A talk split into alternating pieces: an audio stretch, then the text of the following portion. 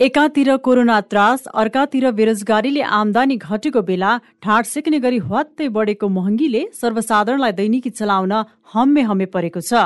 पछिल्लो दुई सातादेखि बजारमा दैनिक उपभोग्य वस्तुहरूको मूल्य हवात्तै आकाशिएको हो।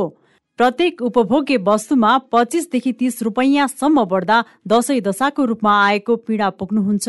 दोलखा घर भई हाल काठमाडौँमा बसोबास गर्दै आउनुभएका भीमबहादुर खड्का। मारको त कुरो गर्नु पर्दा अत्याचारै मार परिरहेको छ नि। अब हरेक चिज महँगो बढाएको छ। अब रासनकै कुरो गर्नु हो भने चामलको भाउ बढेर कहाँ पुगिरहेछ तेलको भाउ पुगेर कहाँ बढिरहेछ एक त लकडाउनले सबैलाई मार परिरहेको त्यो आफ्नो ठाउँमा छ। अब घर भाडाले आफ्नो ठाउँमा तनाव बनाइरहेको छ अब समस्या भयो भने अब के गर्ने? उपभोक्तादेखि लिएर अब साधारण पसल व्यापार व्यवसायले पनि अब चित्त पुजारै गर्नुपर्ने हुन्छ।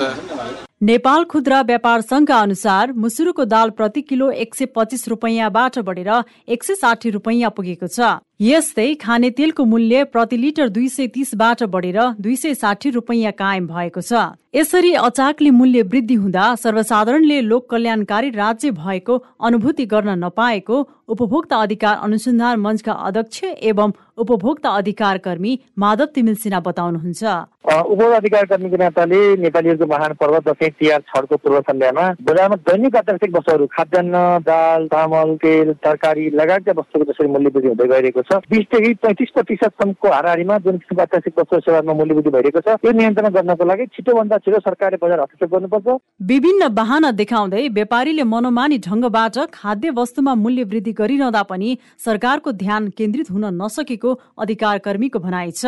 व्यापारीको माग जायज छ कि छैन त्यसबारे सरकारले विशेष चासो दिनुपर्ने बताउनुहुन्छ। फेरि अधिकार कर्मी तिमिल सिन्हा।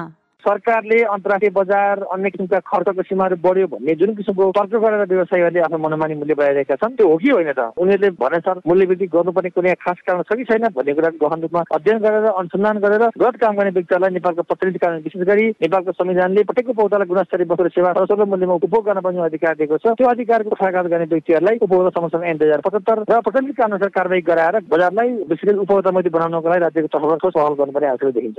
व्यवसायीले तर्क गरे अनुसार वृद्धि भएको मूल्य उचित हो कि होइन भन्ने विषयमा चासो राख्ने सम्बन्धित निकायको अनुगमन फितलो देखिन्छ।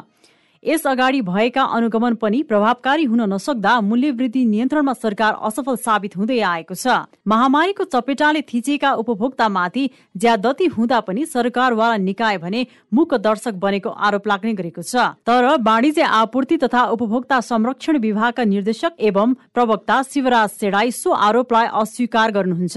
वाणिज्य अब संरक्षण विभागले बजारमा गर्दैमा मूल्य घट्ने अवस्था होइन। उसको उनले कायम गरेको लागत उचित हो कि होइन? सपोज पाँच रुपियाँ लागत भएको चिजलाई सात रुपियाँ लागत हो भन्यो भने हामीले कारवाही गर्ने हो। त्यसमा कारवाही गरिरहेकै छौँ।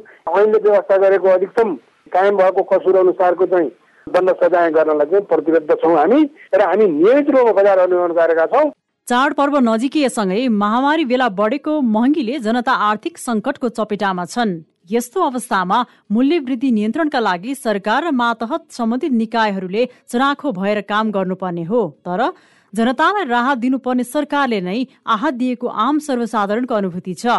अस्वाभाविक महँगीलाई नियन्त्रण गर्न अभिभावकत्वको भूमिका निर्वाह गर्न अग्रसर हुने हो कि सरकार? रेडियो क्यान्डिडका लागि विद्या तामाङ।